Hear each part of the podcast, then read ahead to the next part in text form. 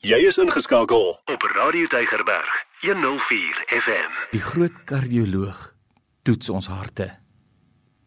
Wat wys jou ekokardiogram? 'n Kardioloog is 'n mediese dokter wat spesialiseer om harte en bloedvate gesond te maak. Hulle kan jou help om jou kardiovaskulêre siektes te genees.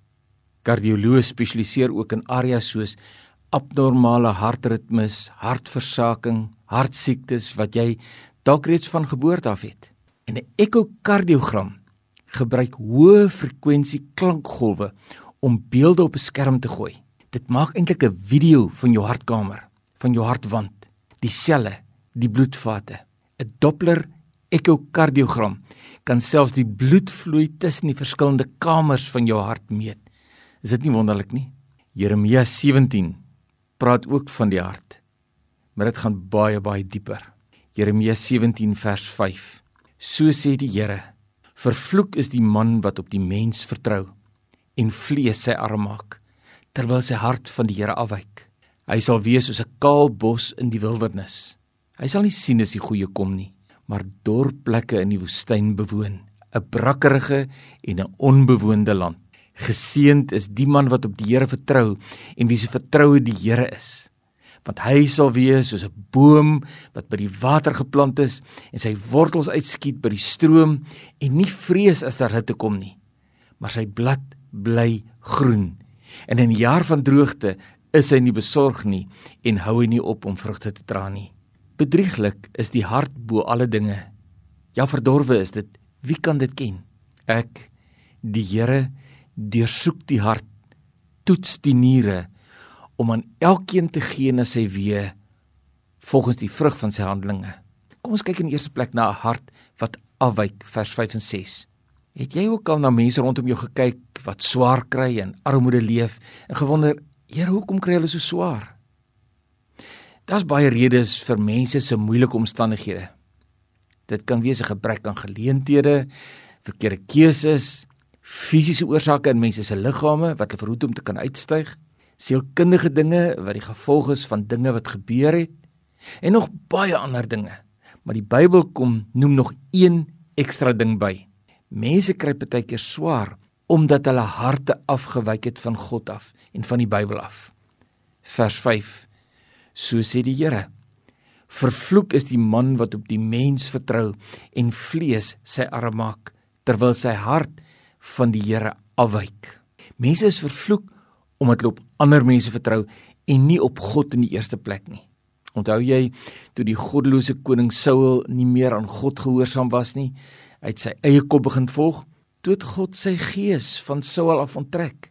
En die effek was dat Saul nie meer voorspoedig was nie. Hy het die oorloë begin verloor en later het hy selfs selfmoord gepleeg. Om op 'n mens te vertrou of om op die vlees te vertrou beteken ek glo ander mense kan my help. En daarom gaan ek eerder na mense toe as om na God toe te gaan om my te help. Jy sien, dis nie verkeerd om vir mense te vra vir hulp nie. Maar wanneer ek hier diep binnekant nie glo en vertrou dat God alleen my kan en wil help nie, dan het my hart begin afwyk van God af. Onthou jy hoe hulle baie keer in die Bybelse tyd geweldige vyande gehad het wat teen hulle kom veg het? Dink maar net aan die magtige weermag van Babelonie in daardie tye. So wanneer Babel dalk teen Israel kom veg en 'n goddelose koning van Israel eers vir Egipte vra om hulle te kom help sonder om God te raadpleeg oor wat hulle moet doen, dan het God 'n vloek op Israel geplaas omdat hulle die koning en hulle as sy kinders nie op hom vertrou het in die krisis nie. Is dit nie so dat mense net baie keer aanhou om vir ons te vra weer en weer help my, help my elke maand. Hulle weet ons harte gee om vir hulle. Maar dan kom hulle nooit op 'n plek om self iets te doen aan hulle situasie nie. So ons moet baie fyn luister na die stem van die Here. As ons elke keer net gee en elke keer net help, dan kan ons dalk in die pad staan daarvan dat God hulle alleen van hom afhanklik maak vir hulle deurbrake. Ek sien so baie mense, veral in die besigheidswêreld, hardloop net agter die volgende blink ding aan. Hulle hardloop net agter die volgende geleentheid aan wat hierdie ou vir op WhatsApp stuur of daai persoon vir op WhatsApp stuur. Maar God wil hê dat ons op hom moet vertrou. Want God alleen kan die deurbraak gee. En as 'n sekere geleentheid dan vir jou bedoel is, sal die Here mos vir jou baie duidelik wys dat dit sy plan is. Jy sien, ons het in 'n kultuur groot geword waar ons geleer is om hard te studeer, hard te werk en 'n lewe te maak. En natuurlik is dit reg, dis belangrike beginsels wat ons moet najag. Maar ons kan so maklik staat maak op dinge soos my eie kundigheid, al die ervaring oor die jare, my harde werk wat ek insit, en dan kom geloof in God heeltemal tweede. So baie keer doen mense eers iets en daarna vra jy vir God, sal U dit seën asseblief? Ons moet eintlik net andersom leef. Ons moet eers vir God vra, is dit wat U wil hê ek doen? En dan wanneer ons weet dit is God se perfekte wil, dan werk ons hart in sy krag. En dit is so belangrik om te weet wanneer 'n deurbraak in die hemelsrealm plaasgevind het, dan ervaar ek dit ook hier op aarde. Met ander woorde, as ek in my binnekamer by God gehoor het dit is wat ek moet doen en God sê ek sal jou seën, dan is dit 'n feit, dan gaan dit op aarde gebeur. Is dit nie dat God se woord sê nie deur mag of geweld sal jy slag nie, maar deur my gees spreek die Here.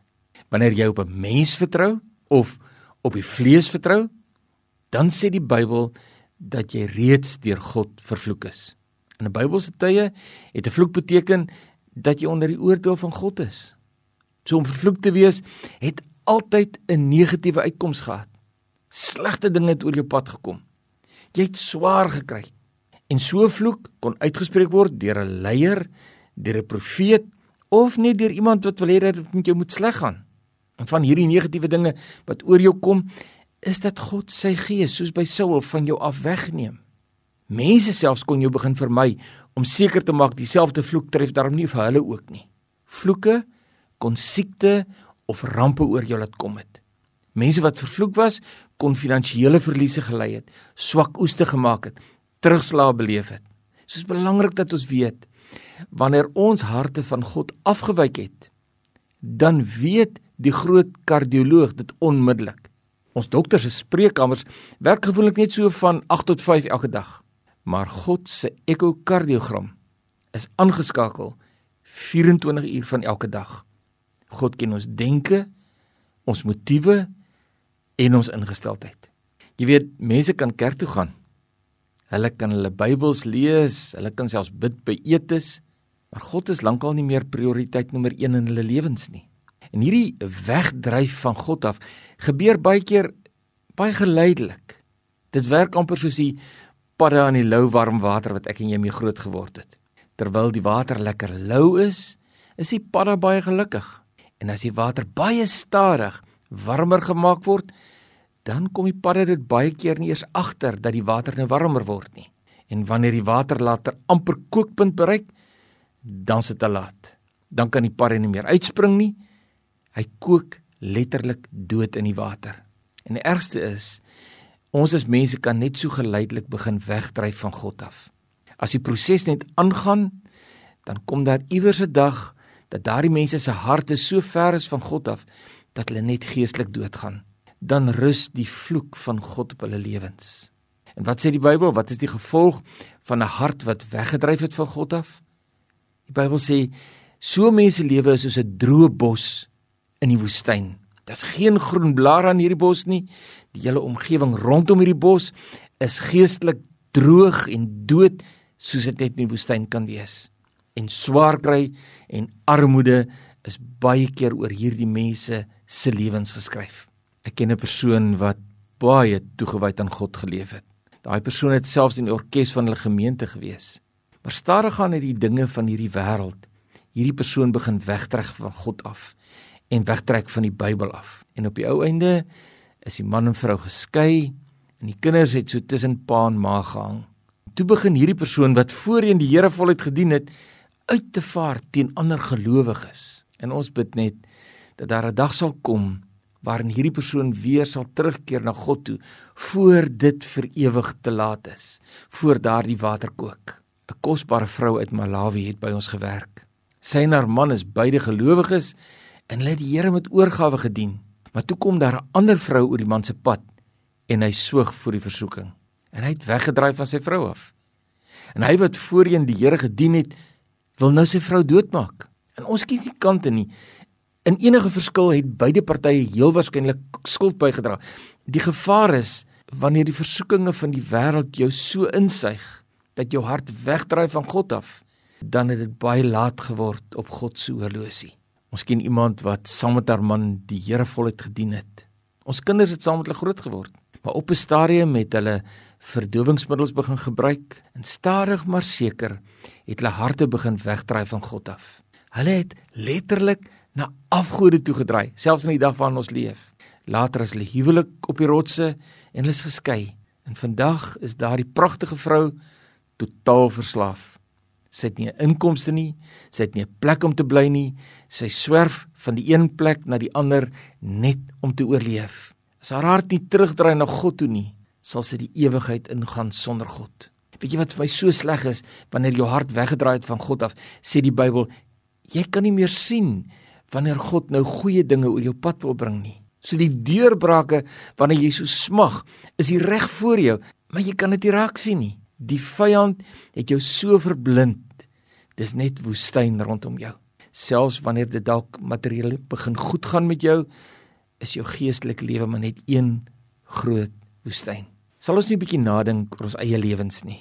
As jy dalk begin vertrou het op mense in plaas daarvan om voluit afhanklik van God te wees. Nou is jou geleentheid om vir Here te sê, Here, ek is jammer as ek luister na u woord, vergewe my asseblief. Ek kom terug na U toe nou.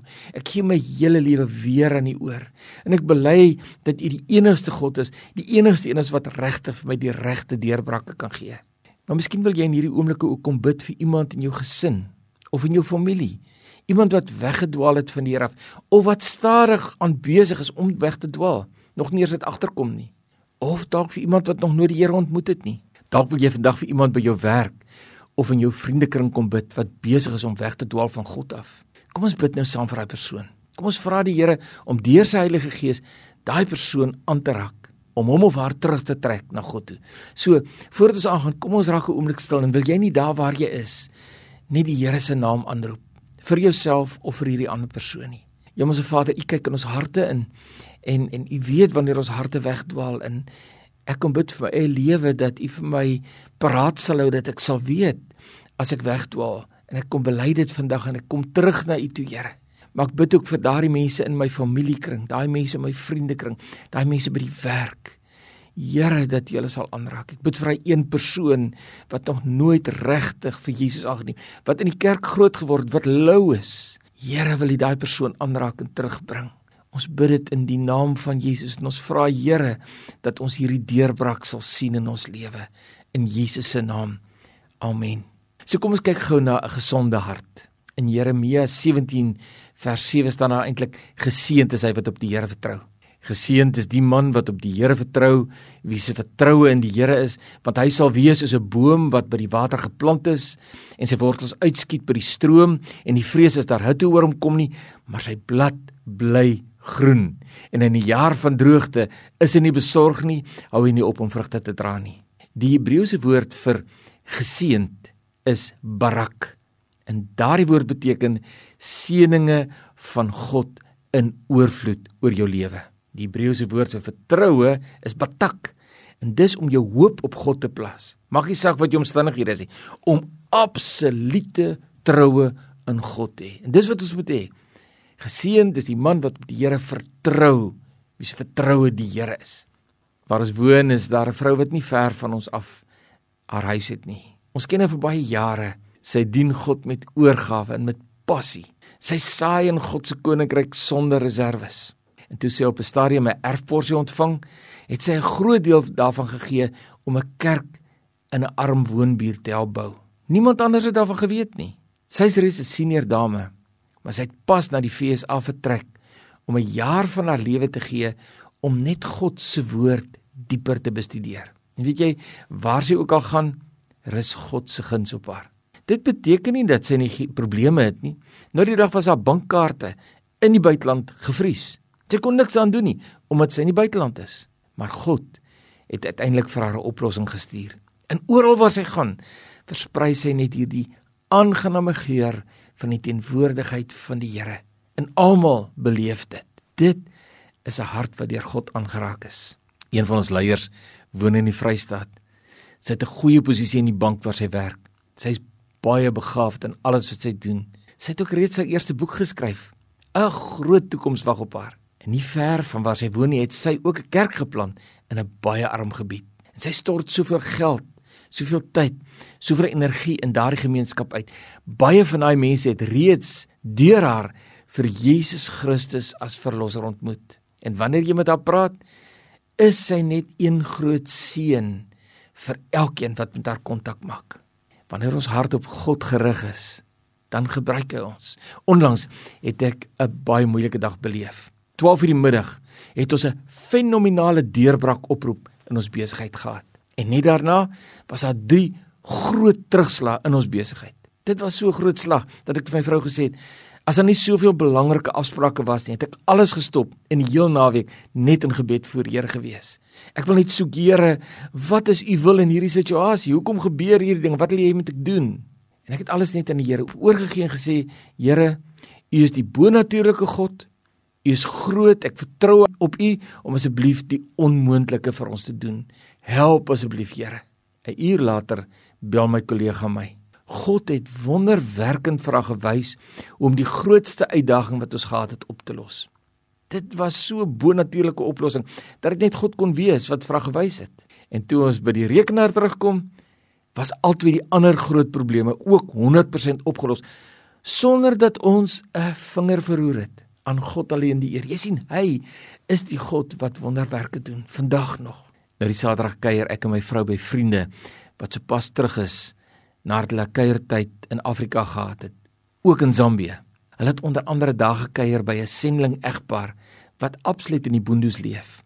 Hulle het so vertel, jy kan omtrent nie met 'n voertuig by hulle uitkom nie. Dit lyk nie eers soos 'n pad na hulle toe nie. En hierdie egpaar wat onder die kinders kosbare werk doen, is baie baie arm. Maar die Here het vir hulle gesê, hulle moet op daai plek gaan bly waar daar nie eers 'n pad is nie. En hulle moet die plek iets noem soos verfrissende waters maar daar is nie eers water by hulle nie. En daarom het hulle begin om 'n put te grawe. Maar hoe dieper hulle grawe, hoe gevaarliker het dit geword, want die kante van hierdie put kan ons nou enige tyd intuimel. En op 'n stadium het hulle net gestop om te grawe. Daar's geen water nie en die gevaar is groot. En een nag, terwyl hulle in die bed is en nog nie slaap nie, is daar 'n ligte aardbewing. Die man draai na sy vrou en sê: "God het vir ons water gegee." En toe hulle die volgende oggend by die put kom, is daar so melkerige water in die put. En hoe meer water hulle uitskep, hoe helderder word die water. En vandag het hulle 'n diep put met helder, standhoudende waters, verfrissende waters. Jy sien hulle het nie op 'n mens vertrou nie, maar op die lewende God wat die onmoontlike moontlik maak. Vir jou vra, ervaar jy dat die boom van jou lewe geplant is by God se strome van lewende waters? Is jou lewenswortels diep in God se strome van lewende waters ingestoot. Jy gesien, die Bybel sê nie dat dit altyd net maanskyn en rose gaan wees nie. Hier staan dat die geweldige hitte van die droogte oor ons sal kom, maar ons lewensbome vrees nie. Ons vrees nie eers die woestyn se droogte nie, want ons wortels is in God se lewende waters. Selfs in tye van hongersnood sal ons steeds vrugte dra, want God se krag in ons maak ons meer as oorwinnaars. Filippense 4:13 Ek is tot alles in staat deur Christus wat my die krag gee. En dan God kom ondersoek ons harte. Vers 9 en 10. Bedrieglik is die hart bo alle dinge. Ja verdorwe is dit. Wie kan dit ken? Ek die Here deursoek die hart, toets die niere om aan elkeen te gee na sy weë volgens die vrug van sy handelinge. As 'n mens nou in die Hebreëse Bybel gaan blaai, dan beteken die woordjie hart word genoem in Hebreëus leep en in Grieks is dit cardio. Dis waar ons woord vandaan kom. So wanneer die Bybel oor ons harte praat, dan gaan dit oor baie meer as net die fisiese hart as 'n orgaan. Hart in die Bybel gaan oor jou diepste gedagtes, oor jou emosies, jou begeertes, veral ook oor jou bedoelings wanneer jy iets doen. Die hart is in die Bybel die kern van wie ons eintlik is. Dit gaan oor ons geestelike karakter. So ons hart verwys baie keer na ons wil, intellek en emosies. Dan staan hier God ondersoek ons harte. In Hebreëus gakar. Dit beteken dat God die diepste bedoelings binnendring en ondersoek. God sien waar ander mense nie kan sien nie.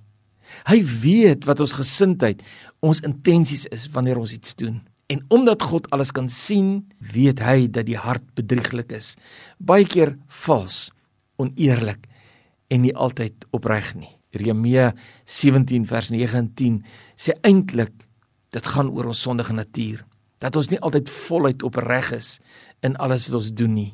Omdat mense geneig is om kwaad te doen, moet ek en jy seker maak ons harte bly opreg voor God. So hierdie deel gaan veral ook oor die feit dat God alles weet, sien wat diep binnekant aangaan. Dis hoekom hy mense soms moet straf vir hulle verkeerde gesindheid en optrede. Onthou jy die weduwee by die tempel wat alles gehad het en alles wat sy gehad het, het sy in die skatkis kom gooi? Jesus het dwars deur haar hart gekyk. Hy het haar hart gesien en dit het God se goedkeuring weggedra. Salomo, hy was die slimste koning in die geskiedenis. En toe God hom in die middel van die nag vra, "Wat wil jy die heel graagste in jou lewe?" Wat sou jy geantwoord het as die Here vir jou sê, "Wat wil jy die heel graagste in jou lewe hê?" Here gee vir my 'n leep gogma. Dit beteken 'n hart vol van God se wysheid dat ek u mense reg kan bestuur. Dit het God so gelukkig gemaak dat hy sommer vir Salomo al die rykdomme van daardie tyd ook kom gee het. Een van my beste vriende is in COVID tyd oorlede. Hy was ons ouditeur, baie baie goed met geld sake. Hy was die finansiële bestuurder van ons bediening en daar was nooit enige tekorte tydens sy lewenstyd nie. Hy het my soveel oor koninkryk finansies kom leer.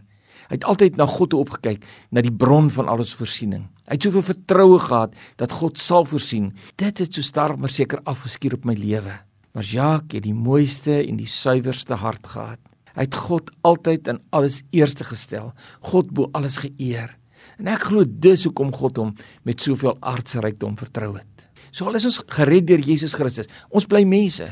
Almal van ons sukkel soms met ons gedagtes. Versoekings kom na ons toe in verskillende forme.